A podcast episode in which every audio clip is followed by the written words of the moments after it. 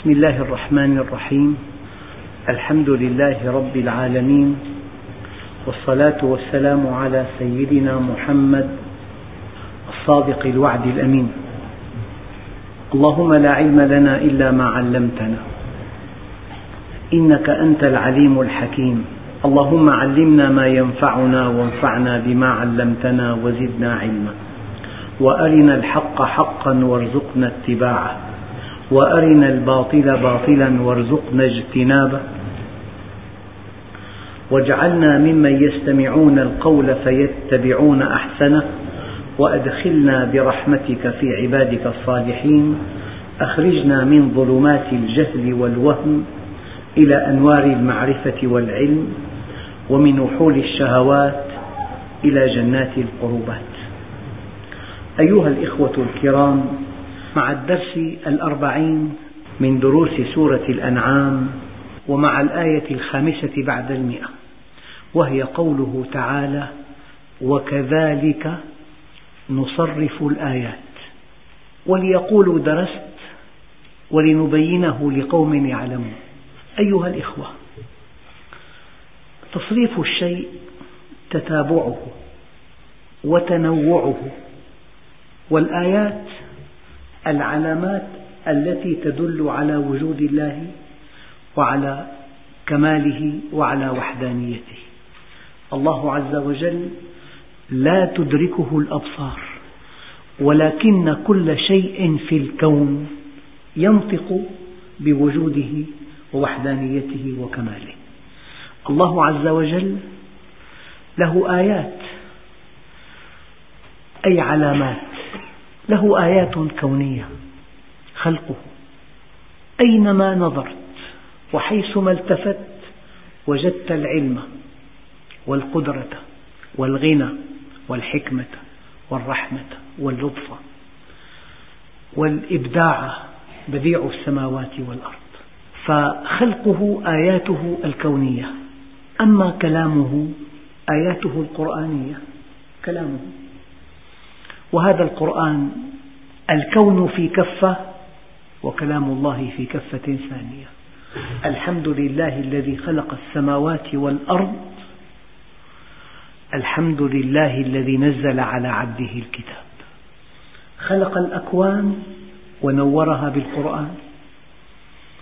شق الطريق ثم وضعت الشاخصات.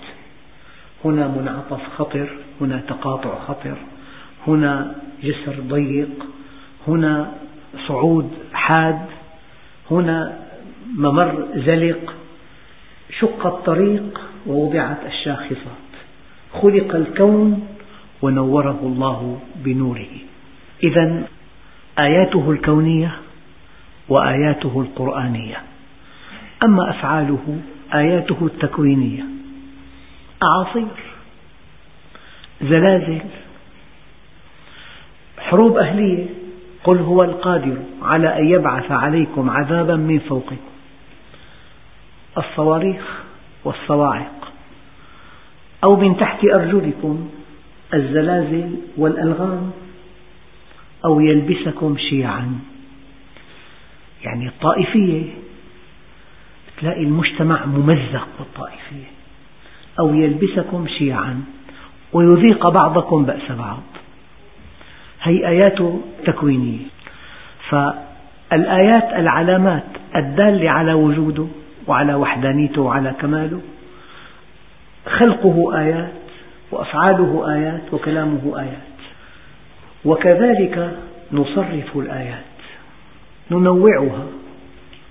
تارة ترى زلزالا مدمرا وتارة ترى جبلا شاهقا وتارة ترى وردة جميلة وتارة ترى رزقا وفيرا محاصيل. ننوع الآيات وتارة ترى ضيقا في النفس. هذا الضيق من خلق الله عز وجل. من قصر بالعمل ابتلاه الله بالهم. تارة تجد تيسيرا تارة تجد تعسيرا. كل شيء يقع في الكون. آية دالة على عظمة الله. خلقه آية وأفعاله آية وكلامه آية والتربية النفسية آية. أحيانا تشعر بانشراح وانطلاق تكاد تطير. أحيانا تشعر بضيق وشعور بالإحباط. تكاد تموت من الضيق. هذه معالجة وتلك معالجة. الأمور تارة ميسرة. الأمور تارة معسرة. تارة في تفاهم زوجي رائع. تارة في شقاق زوجي مزعج. تارة في أبناء يخضعون لوالديهم خضوعا عجيبا. وتارة تجد أبناء يعدون أحد أكبر أسباب شقاء والديهم. وكذلك نصرف الآيات. يعني بيعالجك بمنام مخيف أحيانا برؤية بيعالجك بتيسير بيعالجك بتعسير بيعالجك بفقر بيعالجك بغنى بيعالجك بهم بيعالجك بشبح مصيبة بيعالجك بحدث كوني كبير بيعالجك بآية كونية بيعالجك بآية قرآنية. بيعالجك بموعظة.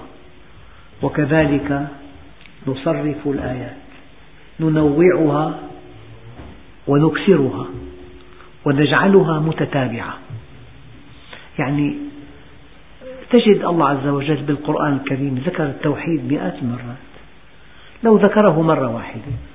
وأنت تقرأ القرآن الكريم مرت معك آية توحيد بالبقرة.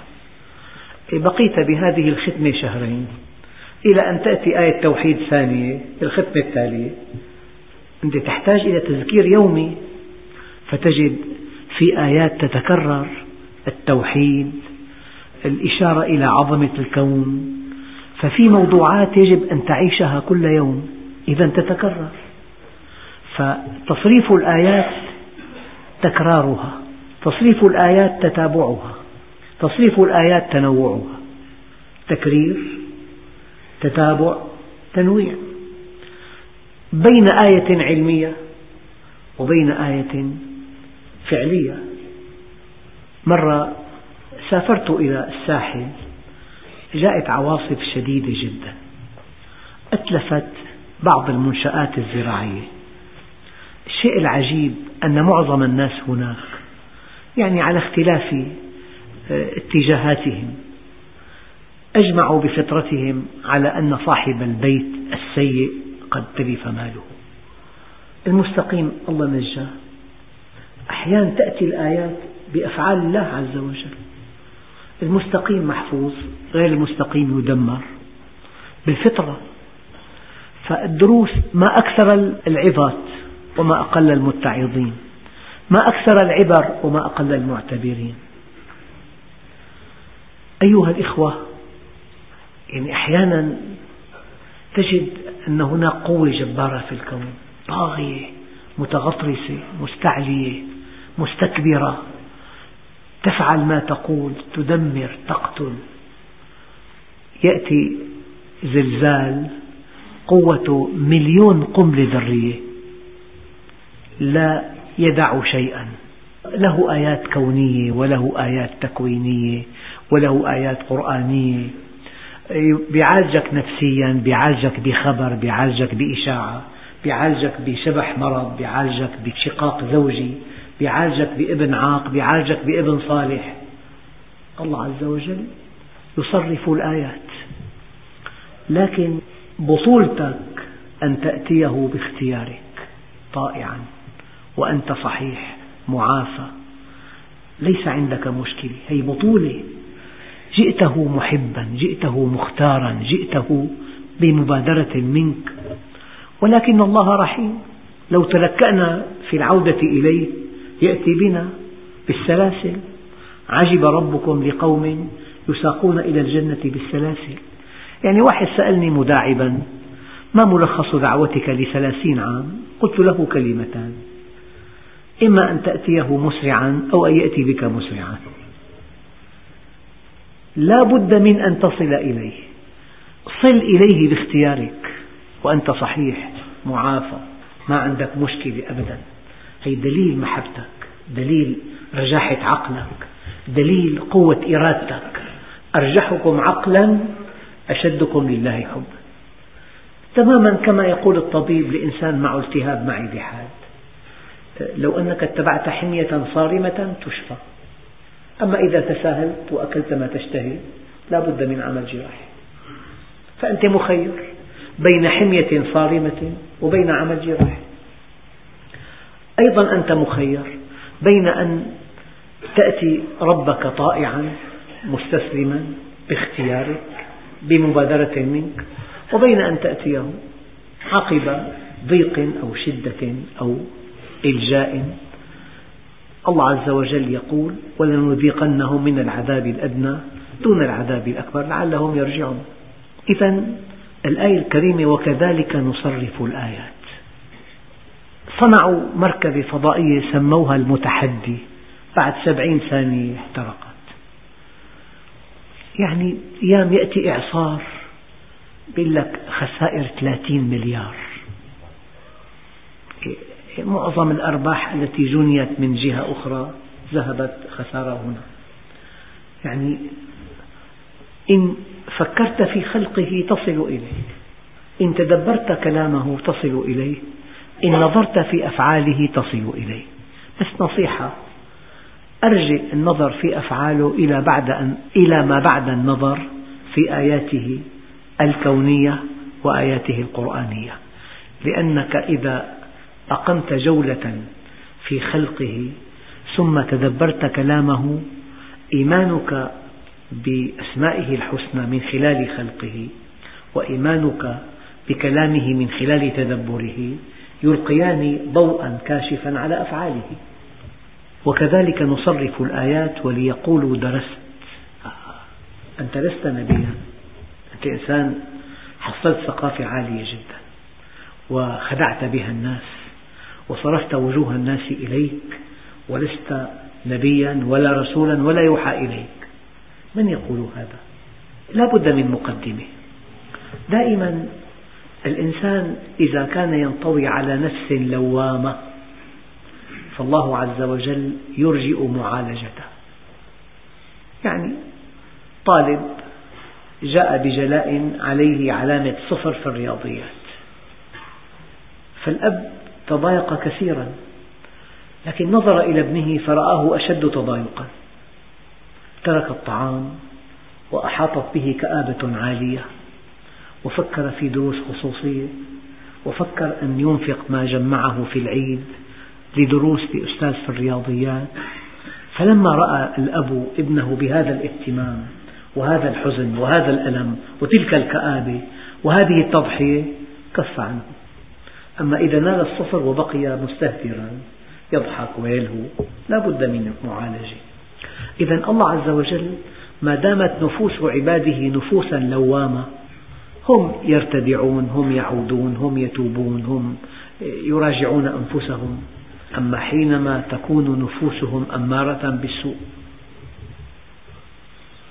وقوة ظالمة تسحق قوة أخرى. قلة قليلة تملك كل شيء وكثرة كثيرة لا تملك شيئا. فهذا الذي يملك المال والقوة كل شيء ويعيش حياة خيالية لا يسمح لهؤلاء الذين يقهرهم أن يتعرفوا إلى الله. لذلك حينما يمنع الحق من أن ينتشر عندئذ الله جل جلاله يتدخل. لذلك قال عليه الصلاة والسلام تمتلئ الأرض ظلما وجورا. فيأتي أخي عيسى فيملأها قسطا وعدلا. تجد في العالم اليوم تسعين بالمئة من ثرواته بيد عشرة بالمئة من عباده. هؤلاء العشرة بالمئة يعيشون حياة تفوق حد الخيال. بذخ إسراف وغطرسة واستعلاء وكبر وتدمير وقصف وسحق وقتل وإبادة والإعلام بيدهم والقوة بيدهم فتاة في بلد غربي بعيد ترتدي ثياب الشاذات.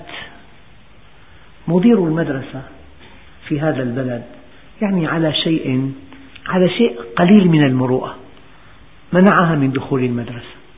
أقام والدها دعوى على مدير المدرسة والقاضي حكم له بمبلغ فلكي لأن إدارة المدرسة تدخلت في حرية هذه الفتاة. جيد. هذه الحرية تأتي فتاة في بلد آخر مسلمة تضع على رأسها قطعة قماش. تنفيذا لتعاليم دينها الحنيف الذي يأمرها بالحجاب قطعة قماش. بنت في المدرسة الإعدادية قطعة قماش على رأسها. تقوم الدنيا ولا تقعد. بدءا من أعلى رجل في ذلك البلد. ممنوع الحجاب. مسموح ثياب الشاذات تسقط طائرة تدفع الدولة التي اتهمت بإسقاطها قريب من 300 مليار دولار دية لركابها. أما ممرضات يحقن 400 طفل بفيروس الإيدز كل دول الغرب تتدخل لإطلاق سراح الممرضات دون محاكمة ودون تعويض. معقول يحاسب إنسان في بلد أنه استخدم سلاح كيماوي. الذين يحاسبونه يستخدمون سلاح كيماوي أيضا. يعني القيم مضطربة قتل امرئ في بلدة جريمة لا تغتفر وقتل شعب مسلم. مسألة فيها نظر. فهؤلاء يوم القيامة يؤمر أن يسكتوا يوم نختم على أفواههم. وتكلمنا أيديهم وتشهد أرجلهم بما كانوا يعملون. فيا أيها الإخوة لما الأمر يصل إلى هذا المستوى يعني جهة قوية جدا متغطرسة تقهر الناس تلغي حياتهم تلغي حريتهم تلغي ثقافتهم تلغي آه، دينهم تلغي تقاليدهم تلغي عاداتهم من أجل مصالحها فقط. عندئذ لا بد من تدخل السماء. مستحيل. أن تستطيع قوة طاغية أن تخطط لمستقبلها البعيد وأن تنجح خططها على المدى البعيد. هذا يتناقض مع وجود الله. لا مع عدالته فحسب بل مع وجوده. وكذلك نصرف الآيات وليقولوا الأقوياء الطغاة المنتفعون الذين يسحقون البشر أو لو سميناهم الطاحنين لأنهم يطحنون المطحونين. في مثل هذه الحالة لا بد من تدخل الإله. لذلك تمتلئ الأرض ظلما وجورا فيأتي أخي عيسى فيملأها قسطا وعدلا. هم يقولون درست هذا الدين تعبير عن ضعف الإنسان. الدين أفيون الشعوب الدين غيبيات. هؤلاء أخلاقيون لأنهم فقراء. لو كانوا أغنياء لما كانوا أخلاقيين. لو قرأت ما يطرحه الطرف الآخر. التدين سلوك جاهلي قديم سلوك بدائي خوف مما وراء الطبيعة. الإنسان المعاصر إنسان متأله والله كأني سمعت مقابلة مع إنسان جندي في دولة معتدية جبارة طاغية. يقول أنا الإله أنا أنهي حياة أي إنسان. إن لم أطلق عليه النار أبقيته حيا وإذا أطلقت عليه النار أنهيت حياته والأمر بيدي. هذا النمط الجديد إنسان متأله. وكذلك نصرف الآيات وليقولوا درست. لا يعتقدون أن هناك إلها سيحاسبهم. ولا تحسبن الله غافلا عما يعمل الظالمون. إنما نؤخرهم ليوم تشخص فيه الأبصار. مشكلة هذا الطاغي أنه لا يدخل الله في حساباته إطلاقا إطلاقا. ليقولوا درست وما كنت تتلو من قبله من كتاب ولا تخطه بيمينك. إذا لارتاب المبطلون. إذا لماذا جعله الله أميا؟ لأن وعاءه فرغه الله من كل ثقافة أرضية. نبينا يوحى إليه. كلمة عبقري ومصلح اجتماعي هم طرحوا ذلك عليه. الطرف الآخر. نبينا نبي معه وحي السماء. قضية عبقري موضوع آخر مصلح اجتماعي موضوع آخر. نبي يوحى إليه وكذلك نصرف الآيات وليقولوا درست ولنبينه لقوم يعلمون. معنى يعلمون؟ أنهم أرادوا أن يعلموا. لا تستطيع أن تقول كلمة لمن صمم ألا يسمع. حتى إن بعضهم قالوا لم أجد أشد صمما من الذي يريد ألا يسمع. المؤمن إذا أراد الحقيقة كل شيء يدله عليها فإذا أعرض عنها لو رأى كل الآيات الدالة على عظمة الله لا يؤمن. فلذلك هذا التبيان لقوم يعلمون لقوم أرادوا الحقيقة أرادوا أن يؤمنوا. أرادوا أن يعرفوا رسالتهم في الحياة. أرادوا أن يعرفوا سر وجودهم وغاية وجودهم. لذلك إذا أردت الحقيقة كل شيء في خدمتك يدلك عليها. والذين جاهدوا فينا لنهدينهم سبلنا وإن الله لمع المحسنين. ولنبينه لقوم يعلمون. لذلك الحكمة من أعطاها لغير أهلها فقد ظلمها ومن منعها أهلها فقد ظلمهم. فذكر إن نفعت الذكرى. ثم يقول الله عز وجل مخاطبا نبيه الكريم اتبع ما أوحي إليك. أنت يوحى إليك. أنت لست دارسا. لم تحصل هذا من ثقافة أرضية. وعاؤك من وحي السماء. وما ينطق عن الهوى إن هو إلا وحي يوحى. لذلك كان أميا ولو كان يقرأ ويكتب ودرس قبل البعثة وقال كلاما رائعا يسأل دائما هذا الكلام من عندك أم من الوحي؟ وعاء النبي كله من وحي السماء. اتبع ما أوحي إليك من ربك. يعني المسلم يتبع وحي السماء. يتبع منهجا لا من صنع البشر. مناهج البشر أيها الإخوة استجابة لواقعهم. فإذا فشى الشذوذ في بلد ما يصدر قانون بإباحته. القوانين الأرضية استجابة لحاجات المجتمع أو لواقعه السيء. لكن وحي السماء يرفع الناس إلى الكمال. بين أن يهبط القانون إلى واقع البشر وبين أن يرفع وحي السماء البشر إلى مصاف الملائكة. فرق كبير. اتبع ما أوحي إليك من ربك. لا إله إلا هو. يعني مرة الحجاج أراد أن يقتل سعيد بن جبير. فقال له سعيد بن جبير التابع الجليل والله لو علمت أن موتي بيدك لعبدتك ولكن حياتي بيد الله عز وجل. فعظمة المؤمن أنه يخضع لله وحده. لا يحني رأسه لأحد يحني رأسه في الركوع لله عز وجل وفي السجود كذلك.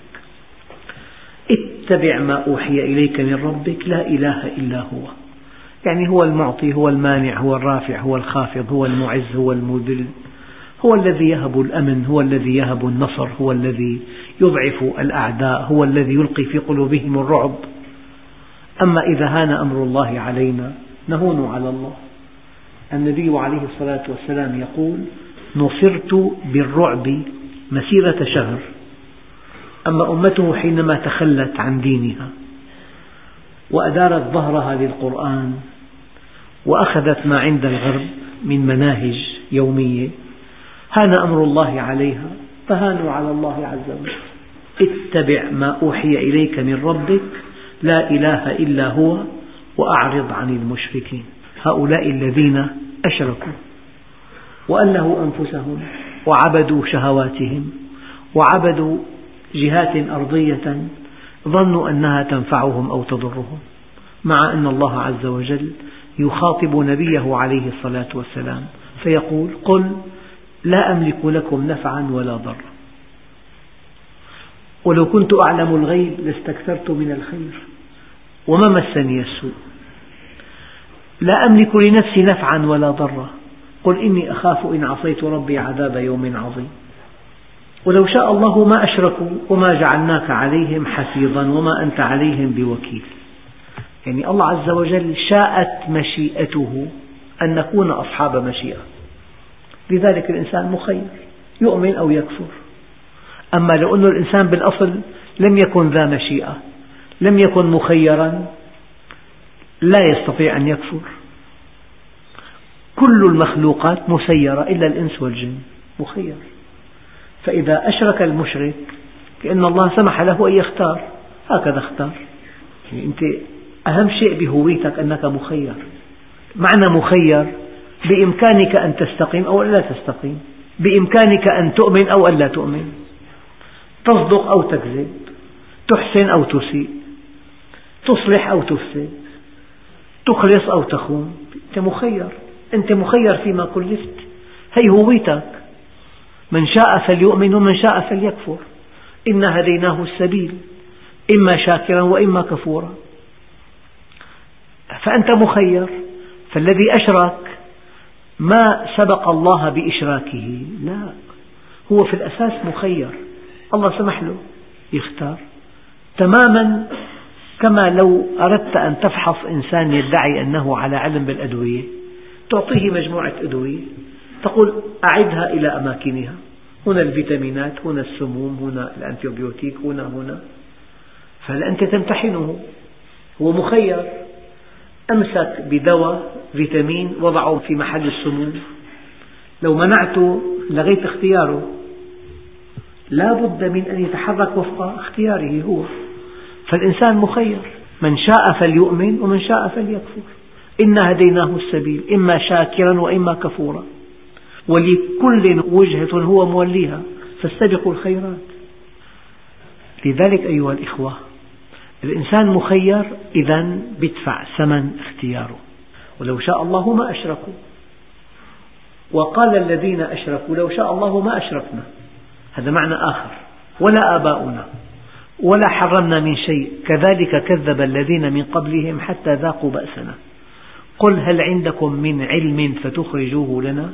إن تتبعون إلا الظن وإن أنتم إلا تخرصون. هي الآية تنفي الجبر. أما هذه الآية تشير إلى أن الله خلقك مختارا. فإذا اخترت الإيمان فقد سمح لك أن تختار الإيمان. وإن اخترت الشرك سمح لك أن تختار الشرك. ولو شاء الله ما أشركوا. يعني ما في كافر يسبق الله عز وجل. أم حسب الذين كفروا سبقوا؟